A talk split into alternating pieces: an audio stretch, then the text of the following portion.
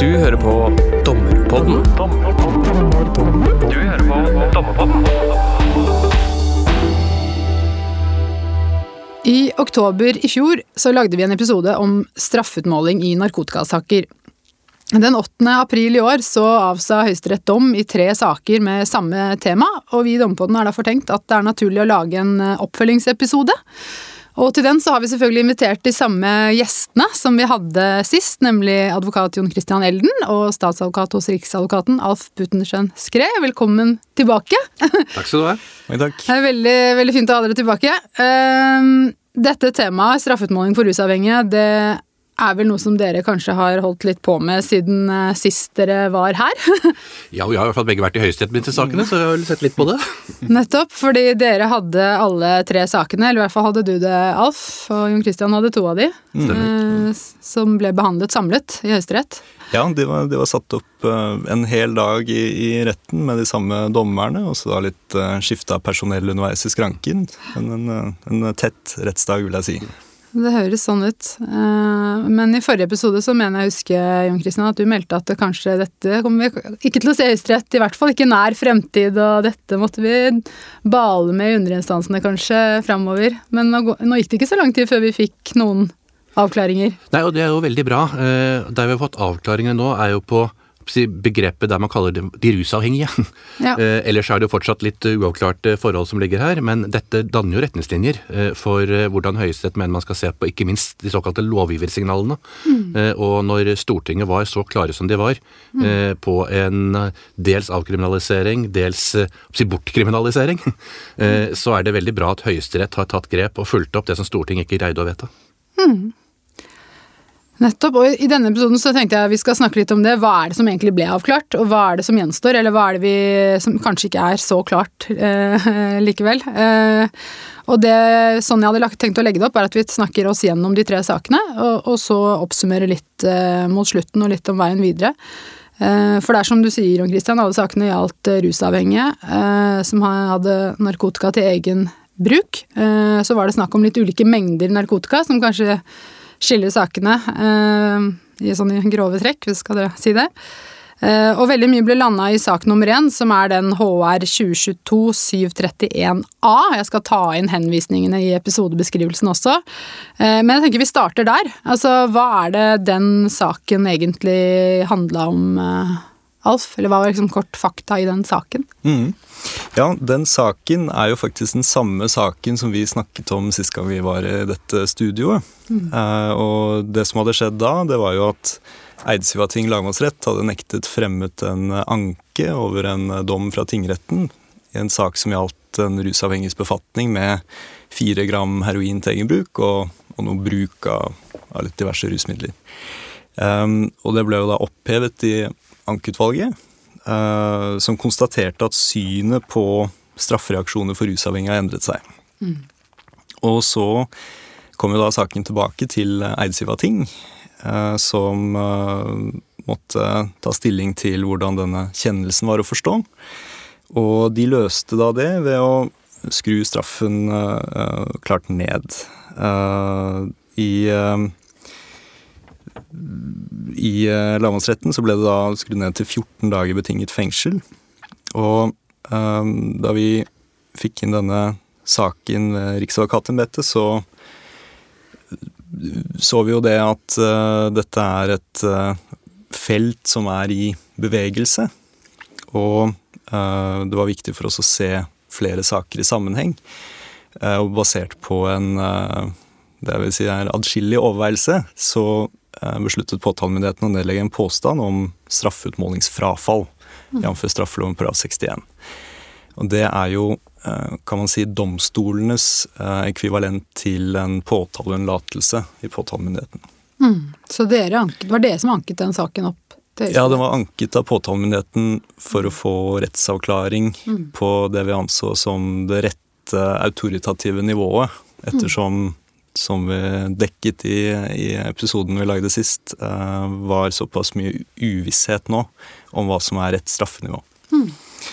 Um, og det Høyesterett da slo fast i denne dommen, som vi kanskje heretter kan kalle for sak nummer én, Ja, vi kaller den sak nummer én. én av tre, Ja. um, det var at um, signalene som ble gitt av Stortinget, altså et flertall i Stortinget, i merknadene fra helse- og omsorgskomiteen, som også hadde med en liten sånn et lite skriftlig innlegg fra justiskomiteen i, i sine komitémerknader. Um, at de synspunktene som kommer til uttrykk der, om at straff av rusavhengige for befatning med uh, mindre mengder narkotika til egen bruk, de må tillegges atskillig vekt ved straffeutmålingen. Eh, og det er jo et uh, prinsipielt veldig interessant uh, funn, tenker jeg. Det, det går inn i rettskildelæren vår. Det, ser at det er ikke bare av betydning for dette konkrete saksfeltet eh, at Høyesterett nå bruker denne rettskilden på denne måten. Eh, Men da de hadde gjort det, så ble jo spørsmålet så hvor langt strekker disse utsagnene seg egentlig? Og uh, der satte de opp noen stolper og sa at det gjelder for rusavhengiges befatning med narkotika, og narkotika må være til egen bruk. Og hvor mye narkotika hadde han i sak nummer én? Han hadde fire gram heroin. Ja, så det var han som hadde minst, for å si det sånn, av Ja, de tre. Ja, Mm. fordi eh, sak nummer to den gjaldt 6,69 gram heroin. Mm. Og sak nummer tre gjaldt eh, 24 gram amfetamin omtrent, og, og 4 gram eh, hasjisj. Nettopp. Og i alle tilfellene så var det da uh, overtredelser av straffeloven paragraf 231. I tillegg så hadde jo uh, tiltalte i nummer én overtrådt eh, legemiddelloven ettersom han, han var uh, han erkjente bruk av narkotika også. Mm. Um, og det som var hva skal vi si, Det spørsmålet som det er gitt mest veiledning om i sak nummer én, det er dette vilkåret om at det må være til egen bruk. Uh, det var ikke noe tvil om at den tiltalte i denne saken var uh, rusavhengig. Um, det, um, det gikk Det var vel alle tre? Eller det, det kom vel egentlig ikke på spissen for noen av de tre Vel- sakene, men så har man et sånt eget obetydelig diktum om det i sak nummer tre, som vi sikkert Ja, skal komme tilbake stemmer. til. Men uh, ja, så Fordi uh, han i sak nummer tre mente selv at han ikke var rusavhengig. Ja, Mm. ikke sant. Men i denne saken så var det lite tvilsomt. Det var forsøkt i flere omganger å gjennomføre personundersøkelser. Eh, Det hadde ikke ført frem. Um, og ja, det var i det hele tatt eh, en type historikk som gjorde det spørsmålet lite tvilsomt. Mm. Um, og Høyesterett vurderer da om det kan være riktig å gå så langt som å frafalle straffeutmålingen i denne saken. Og eh, det som er kriteriet for det, er jo at det skal være helt eh, særlige omstendigheter. Um, og i den forbindelse så tillegger de da rett og slett stortingsflertallets utsagnvekt som en form for autoritativt uttrykk for hva som nå er det rådende synet på, på straff i slike tilfeller. Eh, og konkluderte med at eh, straffeutmålingen eh, skulle frafalles, og, eh, og da er jo det rett og slett siste ord i saken. Og, og det blir ingen reaksjon som skal da tåles. Så er det også interessant at enhver kommentar som er kommet etter dette, nær sagt fra alle sider i rusdebatten, har gått på at ja, dette var jo bra, dette var jeg enig i. Eh, men han greide altså ikke å få noe oppsiv dom eller uttalelse av Stortinget på det i forkant. Det greide de ikke å vedta seg frem til. Så det er jo bra at man i hvert fall har truffet eh, riktig i forhold til den reaksjonsfastsettelsen som var, og at det setningen om at eh, de narkotikaavhengige skal ikke i fengsel, eh, den har fått godt gehør eh, i Norges høyeste domstol. Det var jo snakk om i forrige episode om at denne rusreformen den havarerte. Har, har domstolene Du var jo utvalgssekretær eh, i den. Hva, Alf, tenker du at nå er domstolene klart å berge deler av, den reformen, eller? Vel, det, det har i hvert fall gjort nytte av et kunnskapsgrunnlag som, som ble samlet inn i arbeidet med Som ledet Som til slutt da på en måte fikk sitt antiklimaks i Stortinget. Eh, fordi ved denne vurderingen da av eh, om stoff er å anse til egenbruk, så, så uh, innfortolker uh, Høyesterett en mengdebegrensning og sier at ja, man, man kan jo alltids ha et bevisspørsmål om det er til egen bruk eller ikke, men, men, det bør også være en, et kvantitativt tak. Mm. Og uh, basert på da arbeid som var gjort med den reformen, så, så kom Høyesterett til at det er et naturlig utgangspunkt for å fastsette et slags tak der. Det er uh, de såkalte terskelverdiene uh, som var foreslått i proposisjonen. Mm. Eller, ja, det, er, uh, det sies på en sånn måte at det er litt tvetydig om du mener verdiene i NOU-en eller proposisjonen, men, men slik jeg forstår det, så, så er det vel da de øvre terskelverdiene som var i, pro i proposisjonen. Mm. Og terskelverdien for heroin var da satt, foreslått satt til fem gram. Mm. Og um, Høyesterett slår jo da fast som en generell rettssetning at uh, saker som gjelder mindre enn fem gram, bør i alminnelighet uh, avgjøres på samme måte som denne saken, da, altså med straffeutmålingsfrafall. Ja, For heroin og amfetamin? Og, og kokain. Og kokain. Mm. Og, eh, men de andre stoffene, de terskelverdiene for de, de var jo ikke tema i Høyesterett, men mm.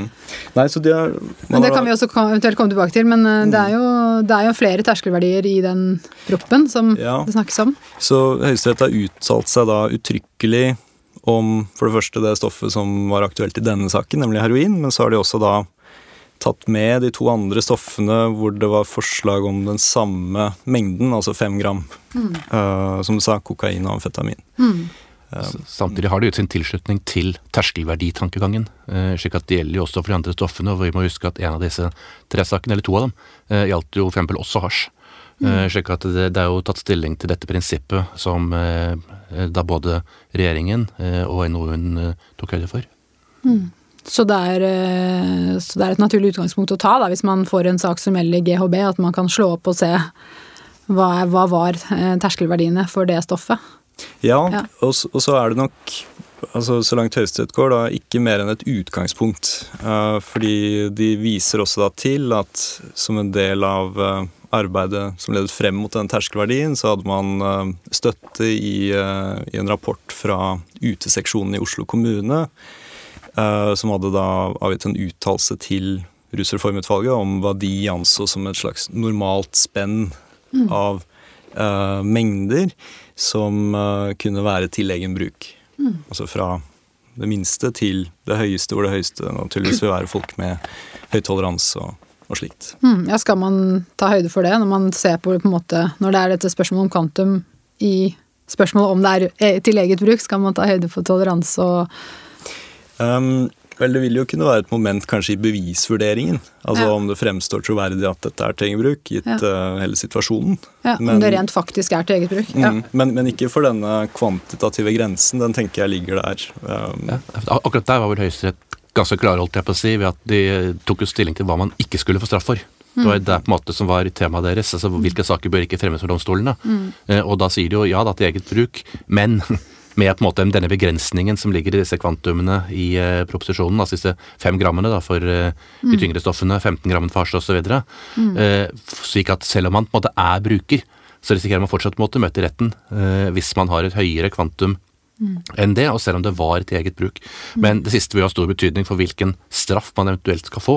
Men det klareste signalet ved disse dommene er jo et signalet som sendes fra Høyesterett til politiet om at i saker med narkotikabrukere, eh, så skal ikke dere bruke ressursene deres på verken beslaglegge, etterforske, eh, iretteføre eller gjøre noe som helst med de sakene som er eh, narkotikamisbrukere til eget bruk, gitt at det er innenfor disse verdiene. Ja, skjønner. Et tema i den saken eh, Jon Christian, var jo også altså Det var anført da, at domfellelse ville krenke retten til privatliv eh, etter Grunnlovens 102 og MK artikkel 8. Hva sa Høyesterett om, om det? Høyesterett fant en pragmatisk vei rundt den. Eh, fordi at de sa at jo, hvis det var slik at, at vedkommende faktisk fikk en straff, så kunne dette være et godt poeng, og da måtte de drøfte det videre. Men så konkluderte de jo med at han slapp jo straff. Eh, og siden han slapp straff, altså fikk straffutmålingsfrafall uten noen vilkår, eh, så mente Høyesterett at da var de hensynene ivaretatt, slik at da ville det ikke lenger være en eventuell krenkelse. Så det spørsmålet om menneskerettsbrudd ved bruk av straff mot narkotikabrukere er strengt tatt ikke tatt stilling til på annen måte enn at Høyesterett sa at her fikk dere medhold, og da er det ikke noe mer å snakke om.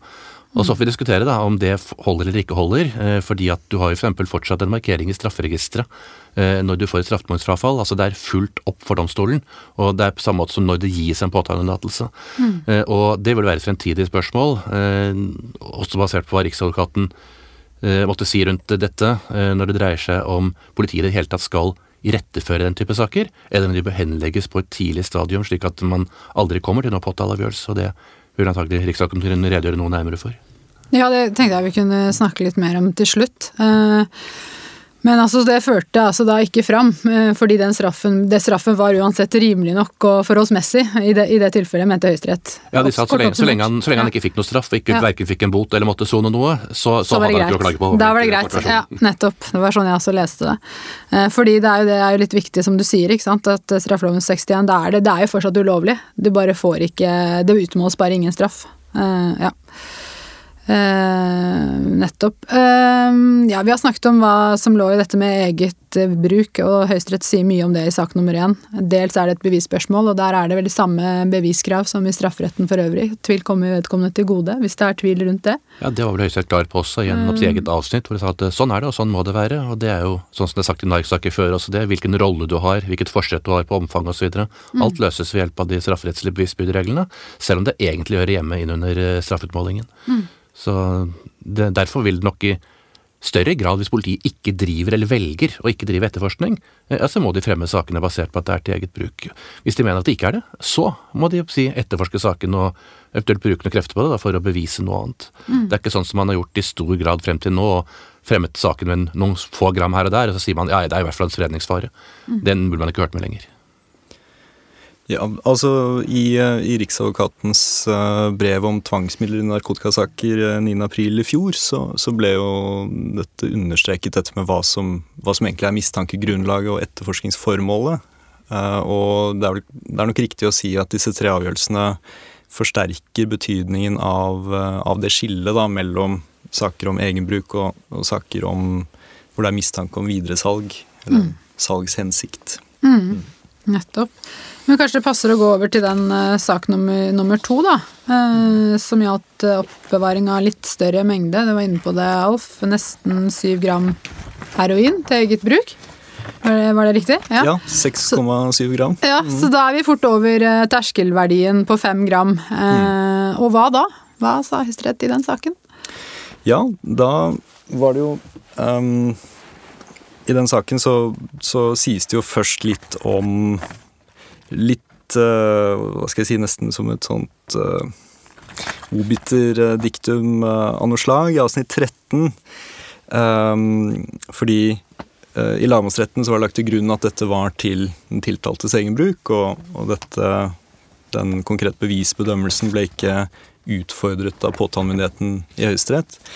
Uh, så skriver førstvoterende Don Kallerud skriver til tross for mengden heroin, hvordan stoffet var pakket, ni lynlånsposer, og at tiltalte hadde med seg stoffet til et torg i byen, har lagmannsretten lagt til grunn at narkotikaen var til egenbruk. Mm. Det, det, kan jo kanskje gi en slags anvisning på, på, noen momenter som kanskje anses å kunne trekkes inn i en bevisvurdering i andre sammenhenger. Mm. Um, men hovedspørsmålet i denne saken var jo da hva er det rette straffenivået når man er litt over disse grensene. Og der formuleres det en eh, regel om at eh, dersom uh, det de kaller, de kaller ikke for terskelverdier i Høyesterett, de kaller det for veiledende grense. Mm. Noe som jo også signaliserer at det er litt mer Det er ikke så absolutt ett og null, på en måte, som, som det ville vært i proposisjonen. Um, når man når den veiledende grensen i beskjeden grad er overskredet, så bør det lede til en eh, kortere betinget straff. Mm. Og eh, det som er viktig å merke seg i den sammenhengen, er jo for det første at vi snakker fremdeles om stoff til egenbruk, selvfølgelig, selv om det er mer enn det som man eh, la oss si, erfaringsmessig kan si, pleier å si at det er til egenbruk. Det som er uh, viktig å merke seg i den sammenhengen, er hva som da skjer med denne betingede fengselsstraffen hvis man begår nye lovbrudd i prøvetiden. Mm. Fordi uh, forutsetningen her er jo at det er snakk om en rusavhengig person. Og eh, den ruslidelsen gir seg nettopp utslag i eh, nye lovbrudd. Da. Og formålet sett fra i hvert fall ja, ut fra den viljen som, som stortingsflertallet ga uttrykk for, var jo nettopp å ikke straffe rusavhengige for befatning med narkotika til egen bruk. Og um, her kommer det da inn en sammenheng mellom sak 1 og sak 2. Fordi ettersom man konstaterte da at det var grunnlag for straffeutmålingsfrafall i sak 1, og ekvivalenten til det er en påtaleunnlatelse, altså at saken ikke bringes inn for domstolene, mm. Så kan de da si i sak 2 at ja, vi ilegger da en betinget fengselsstraff for denne rusavhengiges befatning med narkotika til egen bruk, som bare i beskjeden grad overskrider eh, denne grensen. Um, men de betenkelige sidene ved det um, er uh, mindre aktuelle når det er et rom for å avgjøre mindre forhold som eventuelt begås i prøvetiden med en påtaleunnlatelse. Mm. Uh, slik at det uttales uh, helt da sånn at alle skal få det med seg. Mm. Uttalt uttrykkelig i dommen at Uh, skal vi si at Er kvantumet i en ny sak under fem gram, bør altså dette forholdet ikke i seg selv føre til at en tidligere betinget dom kommer til soning. Mm. Og da har de på en måte løst denne uh, floken som lagmannsrettene havnet i i annen halvdel av 2021, hvor de ga disse korte, betingede straffene. Fordi uh, da får man for den samme tiltalte da, kanskje en uheldig kjede med betingede reaksjoner. og så Til syvende og sist så, så, risikerer man vel til en viss grad å undergrave troverdigheten av en betinget fengselsstraff hvis det ikke kommer til soning før eller siden. Mm. Det er det sånn at han ble dømt for eh, syv gram gang én og syv gram, gram, syv gram gang to. Da risikerer han vel å se fengselsmurene. Ja, det, det, sies jo også da at uh, i forlengelsen av det jeg leste, at uh, gjelder det derimot en ny sak, et større kvantum, ved, ved dette forholdet lett kunne gi grunnlag for soning av den betingede dommen. Mm. Så, så, der har man satt et slags vannskille, da. Mm. Mm. Og det betyr at de terskelverdiene får på en måte en ganske stor praktisk betydning for i hvert fall påtalearbeidet og domstolene fremover. Mm. mm. Og I den saken så nevnes det også noe om tidligere forhold, ikke bare de fremtidige. Men, uh, ja. Uh, i, i, både uh, sak 1 og sak 2 så, så, bygger man for så vidt på etablert praksis i, i Høyesterett som går ut på at Altså vi har, vi har den regelen i straffeloven paragraf 79 bokstav b, men, men det er allerede etablert før disse sakene at Uh, tidligere domfellelse for narkotika til egen bruk faller, faller, litt på siden av formålet med den bestemmelsen. Det er vel det at man, hvis jeg skal spekulere, at man vel tar, tar, litt hensyn til det at det er snakk om ofte en lidelse, og at folk begår lovbrudd som en utslag av den, av den ruslidelsen. Ja, det henger jo sammen med at ansvaret er primært der i helsevesenet. At man liksom legger til grunn at det er ikke gitt at du ønsker og vil benytte den nye heroindosen din dagen etter, men mer at du må. Mm. Så da legger de ikke vekt på det i skjerpende retning? Nei. Nei, det var veldig klart på det at den generelle gjentagelsesstraffen den skal ikke brukes uh, i saker hvor det er snakk om narkotika til eget bruk. Mm.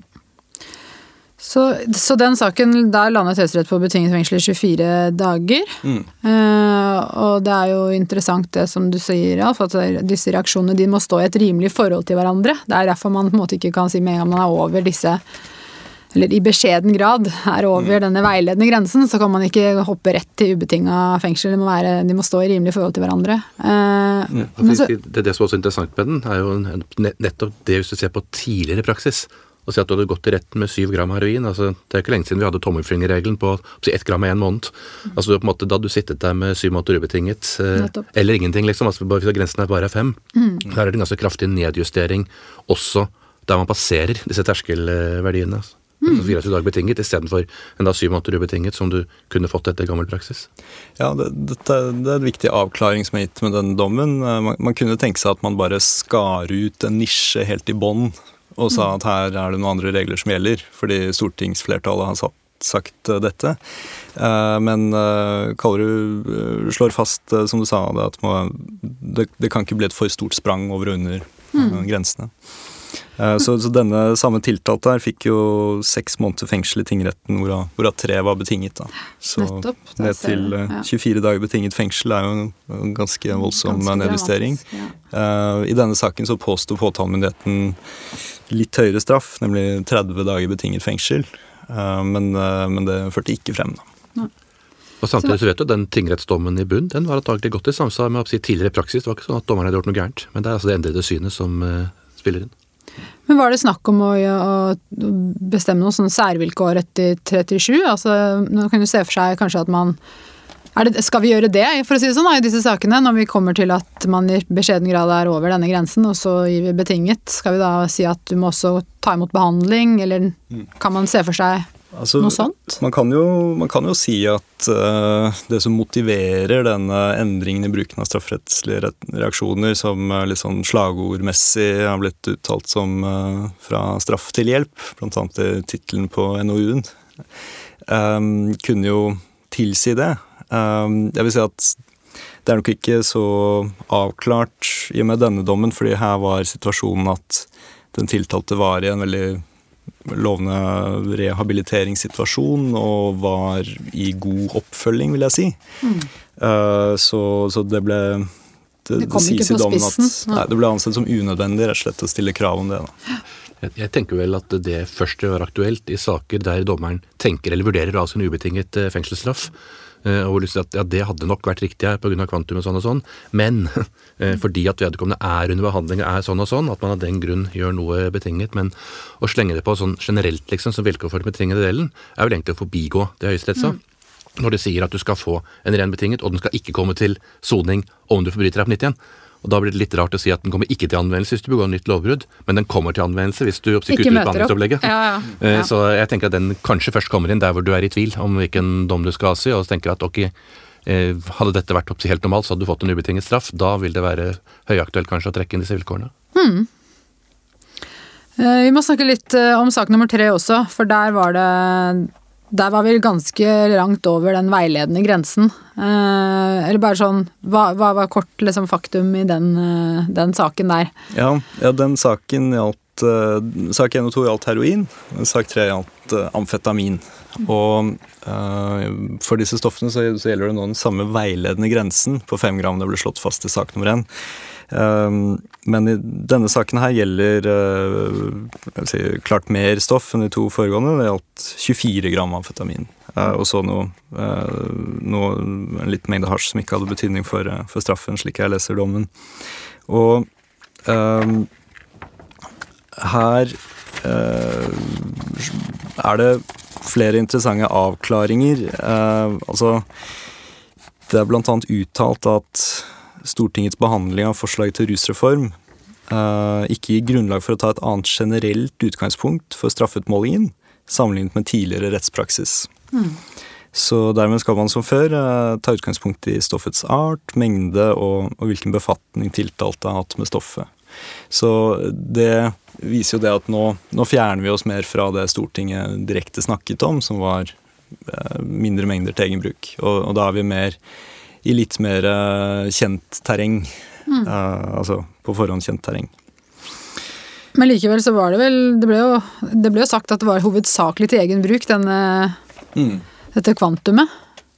Ja, Samtidig så var det jo en bruker eller tiltalt som eh, fungerte i mye større grad i samfunnet ellers. Eh, så det ble lagt til grunn at han var på jobb, f.eks., og holdt seg i arbeidssituasjonen, og litt mer et da type rekreasjonsbruker, men hadde brukt gjennom såpass mange år eh, at han av den grunn var å anse som eh, rusmisbruker. Mm. og han brukte det begrepet om igjen, men hvor avgjørende det er, det, det vet jeg ikke, for noe av begrunnelsen for den straffen som ble valgt til slutt, var jo nettopp at han faktisk greide seg eh, i samfunnet i det daglige. Men, men jeg tenker men, I og med at det er eh, et såpass, såpass stor mengde, så må vi snakke litt om dette med objektiv spredningsfare og betydningen av av det. For det var, det var noe som jeg husker at dere snakket litt om i forrige, forrige episode, og kanskje ikke var helt enige om, så vidt jeg husker også. Eh, altså denne objektive spredningsfaren, hvilken plass den på en måte har da, ved valg av straffeart og ved, ved straffeutmålingen som sådan. Eh, Jeg vet ikke om dere har hørt på episoden siden sist, i det hele tatt, men jeg hørte i hvert fall gjennom. Jeg mener at det var, eh, var en diskusjon der. Men, Men hva er det Høyesterett sier om, om det? De har vel i stor grad fjernet det begrepet ved at de også sa noe om bevisbyrde. Eh, fordi at når de sier at det er avhengig av hvilken type befatning du har med stoffene, det, de har stor betydning på utmålingen av straff. Altså enten om det helt skal frifinnes eller ikke ilegges straff, eller gis en lavere straff enn normalen eller tidligere utmåling. Da må man først se på hvilken rolle man har. Eh, om rolledelen så har de tidligere sagt at det gjelder et tradisjonelt strafferettslig beviskrav på det. Eh, også når de legger til at du også må bevise f.eks. at vedkommende ikke er rusavhengig med en strafferettslig bevisbyrde som et moment som går igjen i sakene, så sier det at politiet må innrette etterforskning på en annen måte enn bare å beslaglegge stoffet, lene seg bakover og si at her er det spredningsfare, og derfor skal du ha like stor straff som om du hadde tenkt å selge dette. Altså De må på en måte velge hvilke kamper de vil ta. Eh, og det er klart at, eh, sånn som eksempel vår sak nummer to, Eh, den beskrivelsen som var gitt der fra Dame Kallerud om hvordan Prat hadde mindre pakninger sånn og sånn og gikk i byen på bestemte steder, kunne jo ha stedkommet ytterligere etterforskning. Eh, og som kunne ha stedkommet at politiet hadde fremmet en sak for retten hvor de sier at ok, her er det eh, en konkret spredningsfare. altså Om enn ikke det har kommet så langt som forsøk på salg, men i hvert fall at det er intensjonen. Og I USA for eksempel, så har du jo egne straffebud på intent of sale når det dreier seg om narkotikabesittelse. Eh, så det må iallfall forventes at hvis politiet skal forfølge dem med det som en argumentasjon for utmåling av straff, som de etterforsker med det grunnlaget Per i dag så har det ikke spilt så veldig stor rolle. Det har liksom vært sånn ja, noen dager forskjell opp og ned, liksom, fordi at kvantum har fortsatt betydd mest. Og da er det lett å slenge på spredningsfare som sånn argument. Eh, mm. Men hvor det får stor betydning for utmåling av straff, så tror jeg ikke det går lenger. Mm. Ja, altså jeg, jeg leser nok dommen slik at de, de kvitter seg ikke helt med, med hva skal vi si, en, en objektiv eller generell spredningsfare. Fordi altså, ja, I avsnitt 21 så, så, sies det at et kvantum som i saken her innebærer objektivt sett at det foreligger spredningsfare. Og så, og så var det noen opplysninger eh, i saken om at den tiltalte på en måte slik jeg forsto det, så kan man vel kanskje si det slik at det var litt sånn sosial bruk hvis han mm. hadde besøk osv. Delte med andre. Ja, delte med andre. Ja. Begrepet jeg har lært i en morgen heter å klosse, og det betyr ja. at man deler når ja. ja. Men i etablerte, i etablerte miljøer. Ja. Mm. Så, så Høyesterett passer, passer, også på å si at dette var hovedsakelig til lenge bruk. Mm. Um, så dermed så, så kunne vi vel konstatere at det både var en såkalt objektiv spredningsfare pga. Mm. mengden, men også da konkrete forhold i denne saken som innebar at det faktisk var en, en spredning. Mm. Uh, Rent faktisk, ja. Som resultat av hans atferd. Ja. Um, så, mm. så det, det, det, ble vel på en måte til dels altså Dette med den objektive spredningsfaren det er vel noe av det som begrunner også at, at man setter en grense et sted for mm. denne nye mildere praksisen. Ja, Den fanges opp i grammene, alt jeg vil si. Altså hvor mye stoff det er snakk om i veldig stor grad oppfatter jeg disse avgjørelsene. slik at mm. Er det mindre enn terskelverdiene våre, så trenger man ikke bruke det ordet. Er det mer enn det, så kan du si at det er en spredningsfare, men i seg selv så er ikke det et poeng å lete etter, fordi at det går på kvantumene. Mm. mm. Ja, kanskje det er riktig du, du må inn og påvise, Skal du få noe strengere straffer, så må du inn og påvise at du har en salgsintensjon eller har gjennomført salg osv. Og, så eh, og da for så vidt noe mer enn brukeren som si, kjøper to gram og selger ett gram for å det siste grammet, vil nok komme i en ikke helt profesjonell situasjon der heller. Eh, men det er klart at det straffes du for. Mm. Og det er kanskje litt av kjerneelementet her. Mm. Hva ble egentlig straffen eh, i den saken her? Det ble samfunnsstraff til slutt på den sak nummer tre. Mm. 60 timer har vel vendt opp med til slutt i mm. Høyesterett på den. Mm. Eh, og det er klart det er også en vesentlig mildere straff enn hva han ville fått før rusreformen. Eh, og selv om han altså ikke da har, var samme grad av rusavhengighet som i sak 1 og 2, og selv om kvantumet var en god del høyere enn det som kan til strafferett. Mm. Ja, det, så, så, dommen innebærer ikke noen generell nedjustering av straffenivået, egentlig, men, men uh, det uttrykket som brukes av førstvoterende, uh, er vel at det er en nyansering i bruken av straffereaksjoner. altså som jeg forstår som en, en, viss liberalisering i bruken av samfunnsstraff. Og det som var litt spesielt i saken, var at det var åpenbart eh, ikke ikke noen rehabiliteringssituasjon. Det var tvert imot et eh, stålfast kriminelt forsett om å fortsette å bruke amfetamin eh, nær sagt så lenge han lever. Altså, mhm, han sa vel det i personundersøkelsen at uh, samme hva slags reaksjon han får, så vil han ikke slutte med det. Det var han vel i 60 år, han hadde brukt en 40 års tid eller noe sånt. Så ja, han brukte amfetamin i en, i en mannsalder, ifølge uh, underinstansenes dom. Um, og så, så, det var ikke slik at han hadde sluttet med narkotika, men likevel så mente kriminalomsorgen at uh, her var det grunn til å tro at en uh, samfunnsstraff ville kunne la seg gjennomføre helt fint, mm. basert mm. på deres erfaringer med denne konkrete tiltalte. Mm. Så da forstår jeg det slik som at Og selv om han da brukte narkotika. Mm. Uh, så, så, da forstår jeg det slik som at man Eh, toner ned noe hensyn til allmennprevensjon i dette valget mellom samfunnsstraff eller fengselsstraff, eh, og sier at det viktige er eh, at den konkrete vurderingen av den tiltalte tilsier at det, det skal gå greit. Hmm, og der er det jo lovgiveruttalelsene igjen ikke sant, som, som, ble avgjørende for valg av reaksjon, sånn som jeg mm. leste det. Ja. Og denne gangen også, også noen øh, komitémerknader til straffeloven, rett og slett, om mm. at man burde bruke bl.a. samfunnsstraff ja. for uh, slik kriminalitet som typisk begås av gjengangere. Mm. Men for det man egentlig gjort, er å fjerne litt av denne domstolskapte tillegget eh, om at eh, allmenne hensyn normalt ikke tilsier bruk av samfunnsstraff i narkotikasaker. Det har man egentlig tatt bort. Eh, og er tilbake til generelle, så har du en en sak hvor du ellers utmåler straff på under ett års fengsel, så skal du kunne se på dette som et alternativ i den konkrete sak. Mm. Og hvor du ikke er uegnet fordi at du bruker narkotika i seg selv, hvis du også kan følges opp i uh, den situasjonen. Mm. Før vi forlater den saken helt, så, så, tror jeg bare må si at uh, altså Han var nok klart ikke det, altså Ordet rekreasjonsbruker ble brukt i seg. Han var nok klart ikke det sånn som Høyesterett så det. Altså fordi mengden var langt over disse terskelverdiene, sånn, så kom de ikke på spissen, så de behøvde ikke å treffe noen endelig konklusjon der. Men, eh, men, det er denne dommens av de tre som gir mest uh, veiledning når det gjelder dette rusavhengige begrepet. Ja, jeg tenkte før vi kommer dit, bare for å gjøre ferdig den, det med samfunnsstraff, som, som ja. valg av samfunnsstraff, så så jeg også at de setter timeantallet høyere nettopp for å ivareta disse allmennpreventive hensyn, eller at straffen skal føles også, eller gjøres følbar osv. Så, videre, så justerer man timeantallet litt opp. Var det ikke, ja, er ikke det riktig? Jo, ja. man satte vel opp ti timer utover det som var ja, enten påstand eller, eller antydet ja. ellers. Ja. Uh, men uh, slik at man da åpner for bruken av det mm. uh, i noe større grad. Tidligere har det i Nike-saker ofte vært sagt at du må være i en rehabilitering. Mm. Underforstått, du må på en måte ha sluttet å bruke narkotika, eller stå i, Være i gang.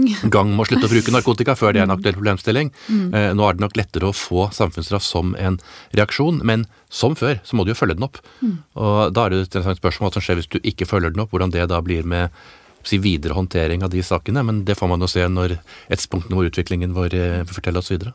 Mm.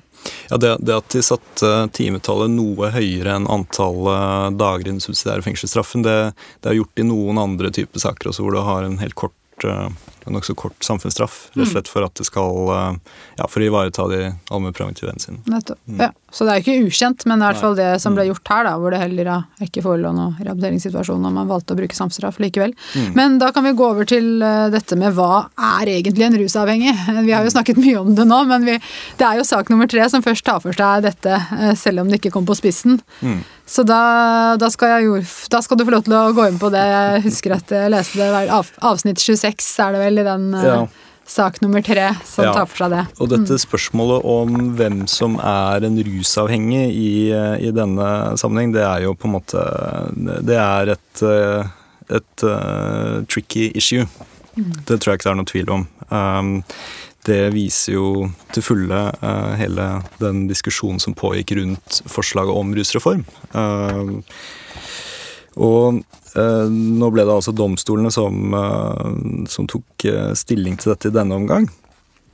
Og det som er verdt å merke seg, er at um, Som sagt så, så, kom det jo ikke på spissen, fordi pga. kvantumet så var man uansett utenfor uh, det Høyesterett kaller for kjernen av disse lovgiversignalene. Men det sies likevel som generell veiledning, da, som et obiter, at den tiltaltes subjektive oppfatning av egen rusavhengighet kan ikke være avgjørende. Eh, det kan neppe heller stilles ufravikelige krav om at vedkommende er diagnostisert som rusavhengig av lege. Og så kommer definisjonen. Rusavhengighet forutsetter imidlertid generelt en omfattende bruk av narkotika, både med hensyn til omfang og varighet, og som vedkommende selv har problemer med å kontrollere.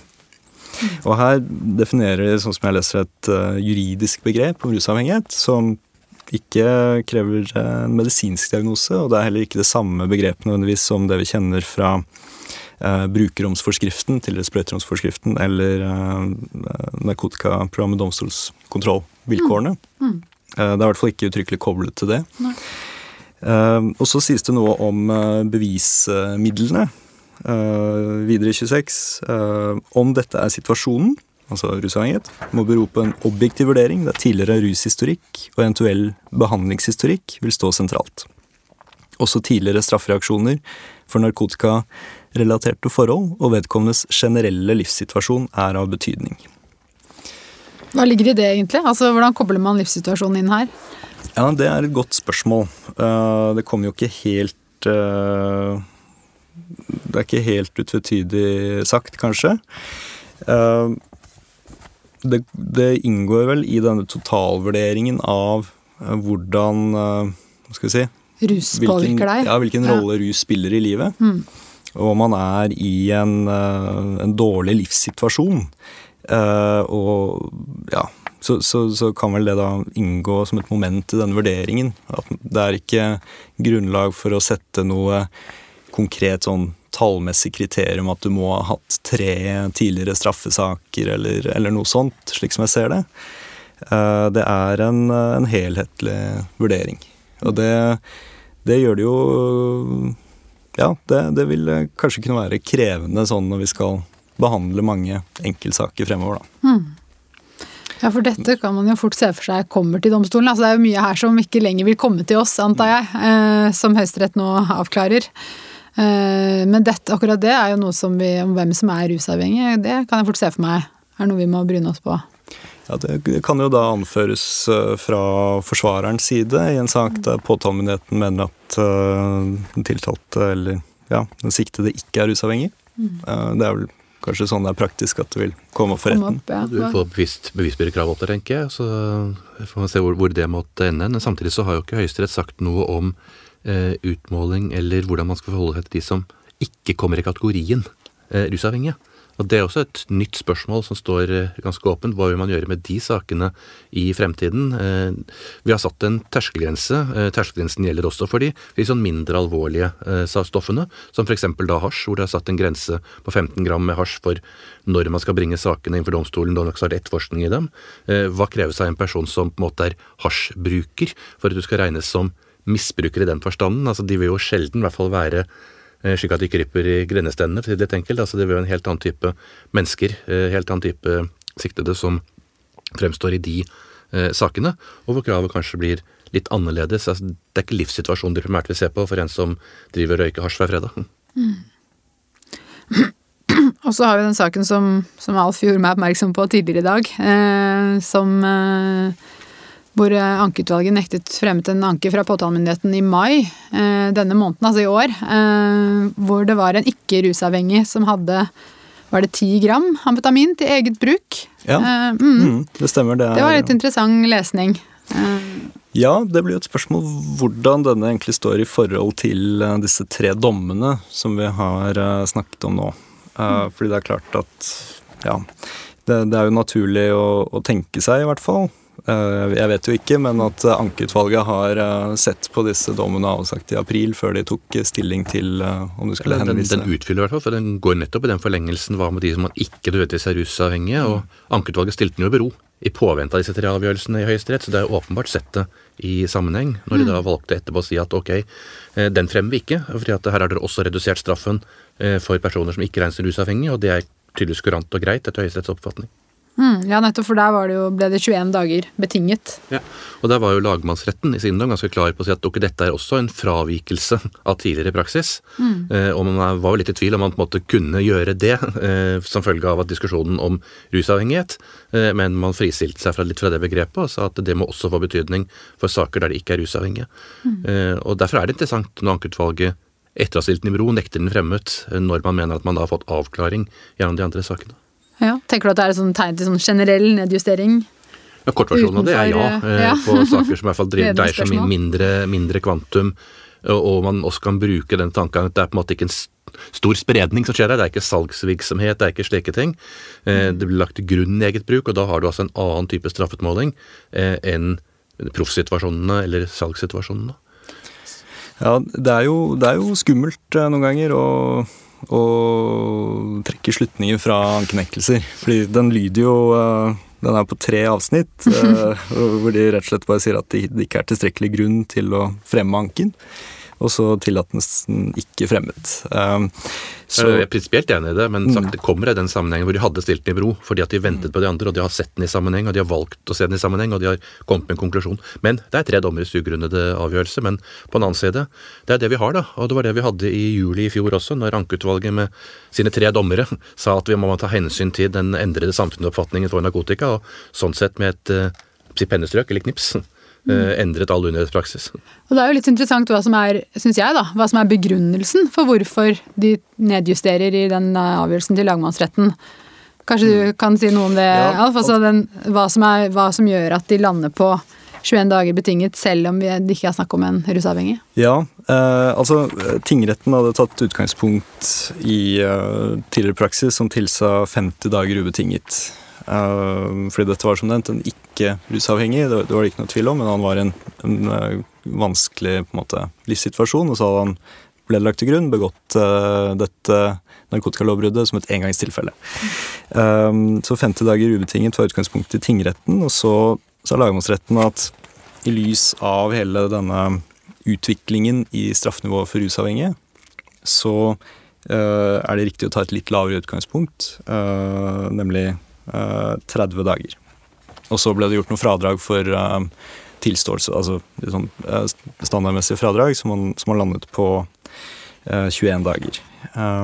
Men begrunnelsen for at man da tok hensyn til utviklingen i saker om rusavhengige, det, det er vel det som er det prinsipielle og det du Det var det jeg sikta til, ja. det er greit å få litt bakgrunn nå. og det de er spesielt opptatt av der, er at Eh, det er en glidende overgang og vanskelig å skille mellom ulike brukergrupper. Og det, det kommer eh, til uttrykk bl.a. i Rusreformutvalgets NOU. Uh, og det er jo til en viss grad sant, i hvert fall når det ikke er snakk om si, åpenbare tilfeller. Mm. og denne glidende overgangen Eh, tilsier at forskjellen i straffenivå for samme handling ikke blir for stor, sier lagmannsretten, og viser da til prinsippet i Grunnloven § 98 om at alle er like for loven. Mm, nettopp. Um, og, og, det som er interessant, og som, som gjør at uh, man kunne klø seg litt i hodet over liksom sammenhengen nå, er jo at i sak nummer én, den dommen som vi snakket om innledningsvis, så, så slås det jo fast at paragraf 98 er ikke til hinder for å differensiere under straffeutmålingen. Um, så uh, det, det, kan kanskje ses uh, som, som, litt ulike ting som sies her. I en fersk høyesterettsdom, og så da i denne langsrettsdommen, hvor anke ikke ble tillatt fremmet. Men, uh, men, det er også mulig å tolke det som at det utfyller hverandre, slik Jon Christian er inne på. At ankeutvalget ikke anså det nødvendig å korrigere denne konkrete straffutmålingen her. Men så kan man si at en rettsavklaring som eventuelt skulle vært gitt ved å tillate denne fremmet og si at det er feil det dere sier om paragraf 98, den rettsavklaringen har man kanskje allerede fått i sak nummer én mm. i den dommen, hvor det sies at uh, det ikke er noe veien for å differensiere den straffeutmålingen. Det blir spennende å følge altså, hvordan dette går videre. Ja. Og til den 98-diskusjonen så var jo også saken som var i Høyesterett i en situasjon hvor man skulle nedjustere en straff, altså gi en borger en måte lavere straff ut fra de mulighetene som gjelder for differensiering. Og Det er klart at det vil nok i mindre grad være en grunnlovsproblematikk enn om man gir noen en strengere straff enn. Altså Det er der man på en måte må kreve en begrunnelse et eller annet sted eh, i eller utenfor eh, lovverket selv. Mm. Eh, så tilnærmingen til lagmannsretten nå, hvis at man har justert ned såpass mye, hvor er grensen holdt jeg på å si, på hvilke grupper vi skal beholde fullt ut eller ikke, straffen på, mm. eh, så er det nok logisk å se hen til at man har foretatt nedjustering. Eh, samtidig så ser foreløpig i hvert fall ikke for meg eh, at den som blir tatt for, for salg av 10 gram med amfetamin, for å sette det på spissen i det ytterste du kan gjøre eh, i kriminaliteten, eh, vil nok fortsatt få en straff på et gammelt nivå, mm. mens man da har denne mellomjusteringen. Mm. Ja, for det er jo det som, sånn som jeg leser disse alle, egentlig, alle avgjørelsene som vi har snakket om, det gjelder ikke for salg. Men du var inne på dette med små salg til venner, altså for å finansiere eget bruk. Det er derfor jeg brukte ordet sånn profesjonelt salg, altså Ja. det er et profitthensyn bak, og ikke sagt bare de som pga. eget misbruk tvinges ut i det. Mm. Det sa Høyesterett allerede tilbake i 2001 i en avgjørelse da, hvor de sa at eh, de som på en måte er brukere, de må forventes til en viss grad å bli dratt inn i annen narkotikatrafikk uten at det skal være skjerpende, uten at det skal utløse noen gjentagelsesstraff. Mm. Så da ser man også hen på personen. Eh, si hvem er det som sitter igjen? Altså, sitter du er den som tjener penger på dette, for å si det sånn, eller er du en av de som er en brikke i spillet? Og så for å oppsummere litt da, rundt eh, på en måte grensene her. Vi har snakket mye om grenser, men vi har denne sak to som i beskjeden grad overstiger grensene, og der får man en kort betinga reaksjon. Eh, Og så har vi den på 24 gram amfetamin. Altså et eller annet sted imellom. Er det mulig å si noe om, eller vil dere spå noe om hvor, hvor grensene går? Når er vi på en måte når går vi fra sak nummer én til sak nummer tre? Da? For, nei, to, to fra to til tre, for å si det sånn. Og også eh, der vi samfunns, kan bruke noe eh, mer samfunnsstraff for rusavhengige.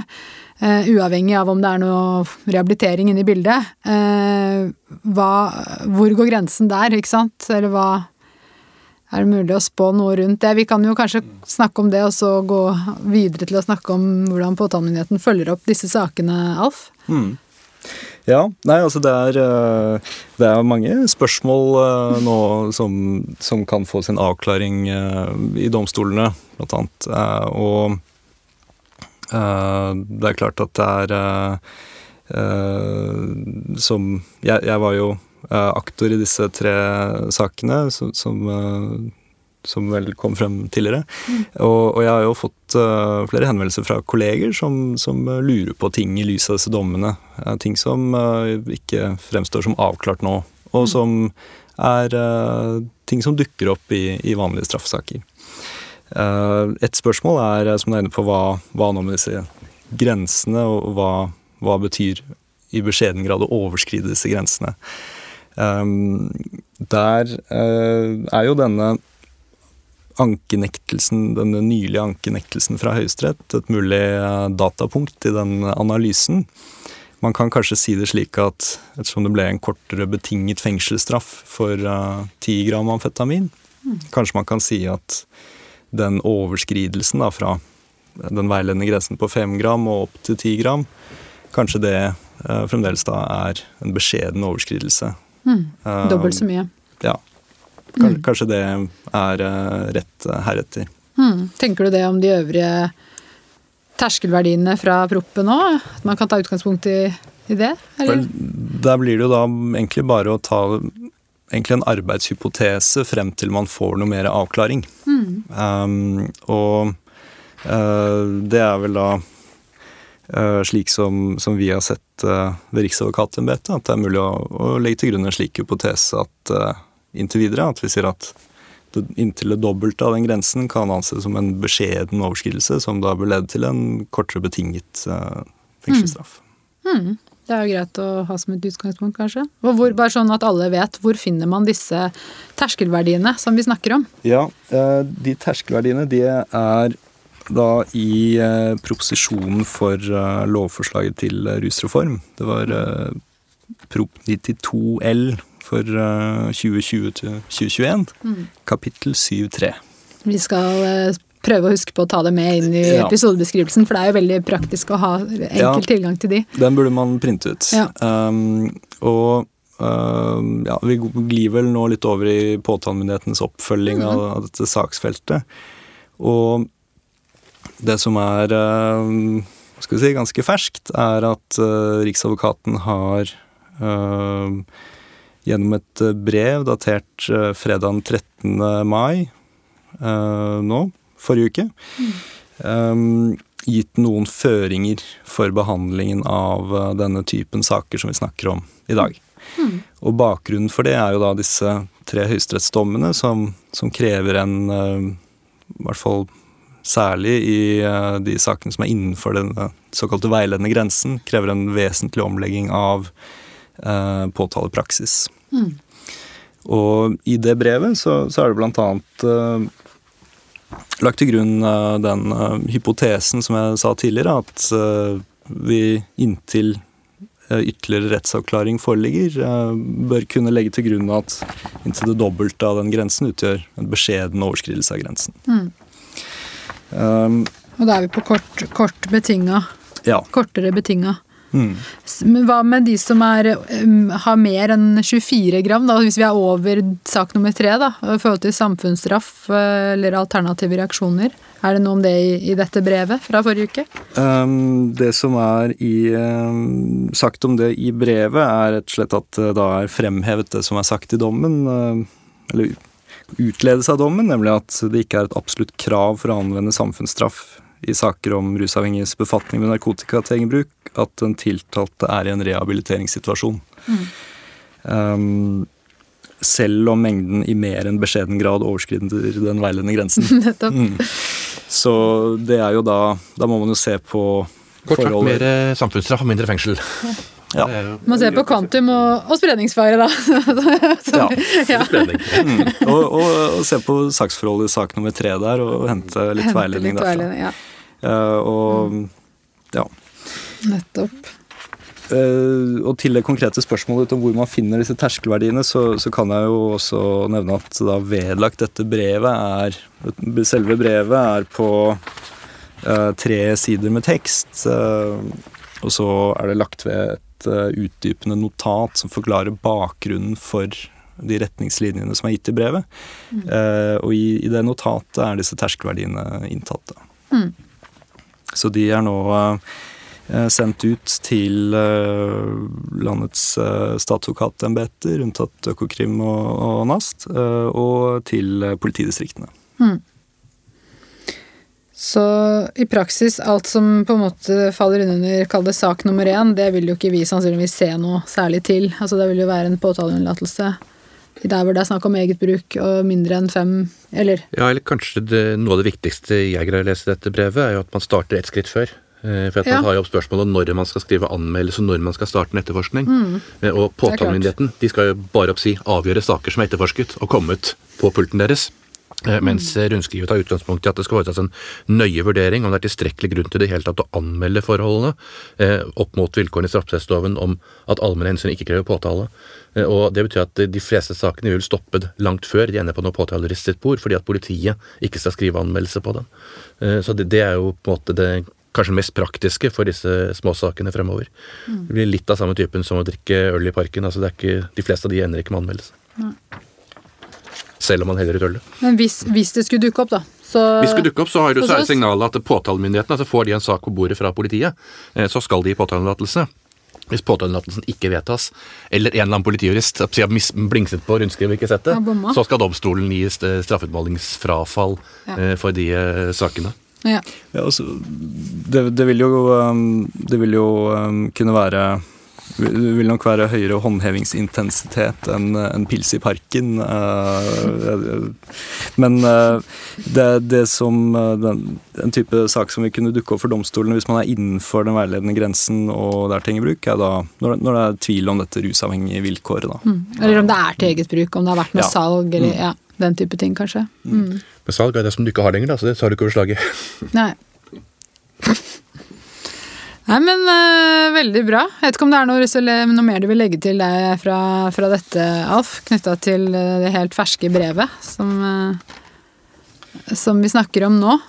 Men uh... Det, det er jo i, i stor grad dekket opp gjennom vår gjennomgang av dommene, fordi formålet er rett og slett eh, å på eh, noen få sider bare gi noen retningslinjer som gir en smidig omlegging for å reagere på, på det man har fått nå av rettsavklaring fra Høyesterett. Det, som, eh, det som også eh, går frem av eh, brevet her, er at ved holdepunkter som tilsier rusavhengighet, så skal da tvil komme den mistenkte til gode. Um, og så må man da vurdere nøye hvor Altså hvilke ressurser man skal bruke på å avklare det spørsmålet om rusavhengighet.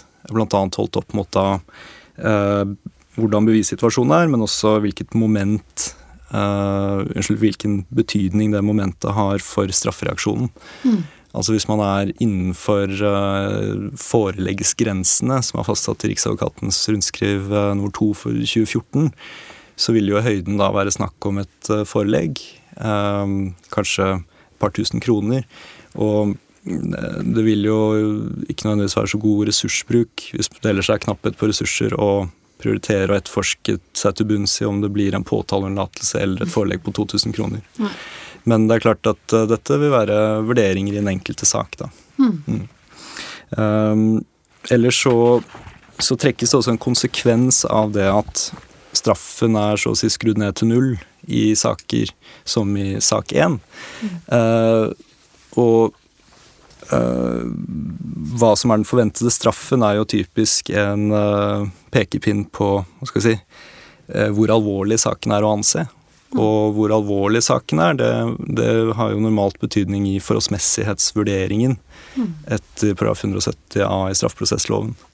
Så det som også slås fast i, eh, i dette brevet, er at skjellig grunn til mistanke om en rusavhengigs befatning med narkotika til egen bruk, som skal avgjøres med en påtaleunnlatelse, eh, det danner da ikke grunnlag for straffeprosessuelle tvangsmidler utover beslag av synlig narkotika. Og der skal jeg med en gang tilføye at det gjelder da eh, saker som skal avgjøres med eh, det vi kaller for en ubetinget påtaleunnlatelse, altså en påtaleunnlatelse hvor man ikke fastsetter en prøvetid og vilkår osv. Uh, her er det snakk om sånn påtaleunnlatelse som tilsvarer straffeutmålingsfrafall.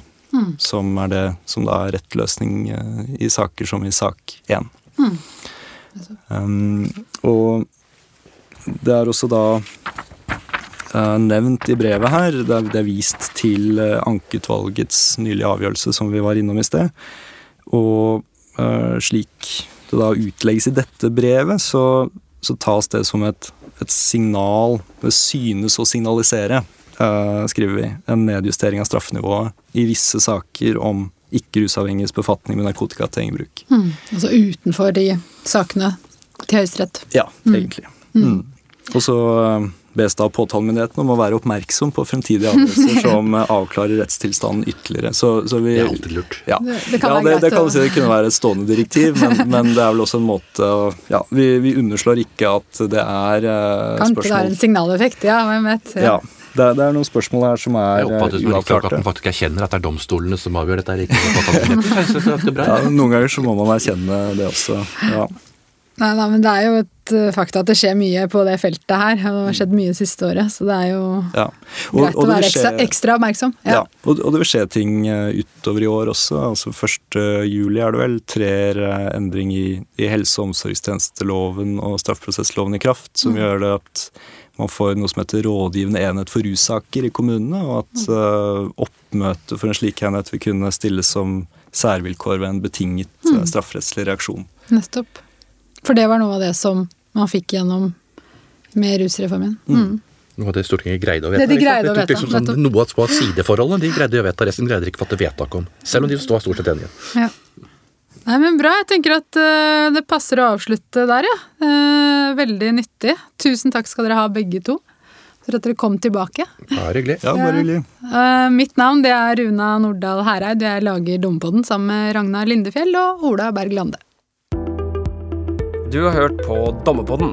Dommepodden er en podkast fra Norges domstoler og er først og fremst ment som et kompetansetiltak for dommere. Hvis du har ris, ros, forslag til temaer eller folk vi kan prate med, så er vi glad for å høre fra deg, og da kan vi nås på podkast. Ha en god dømmende hverdag så lenge. Vi høres.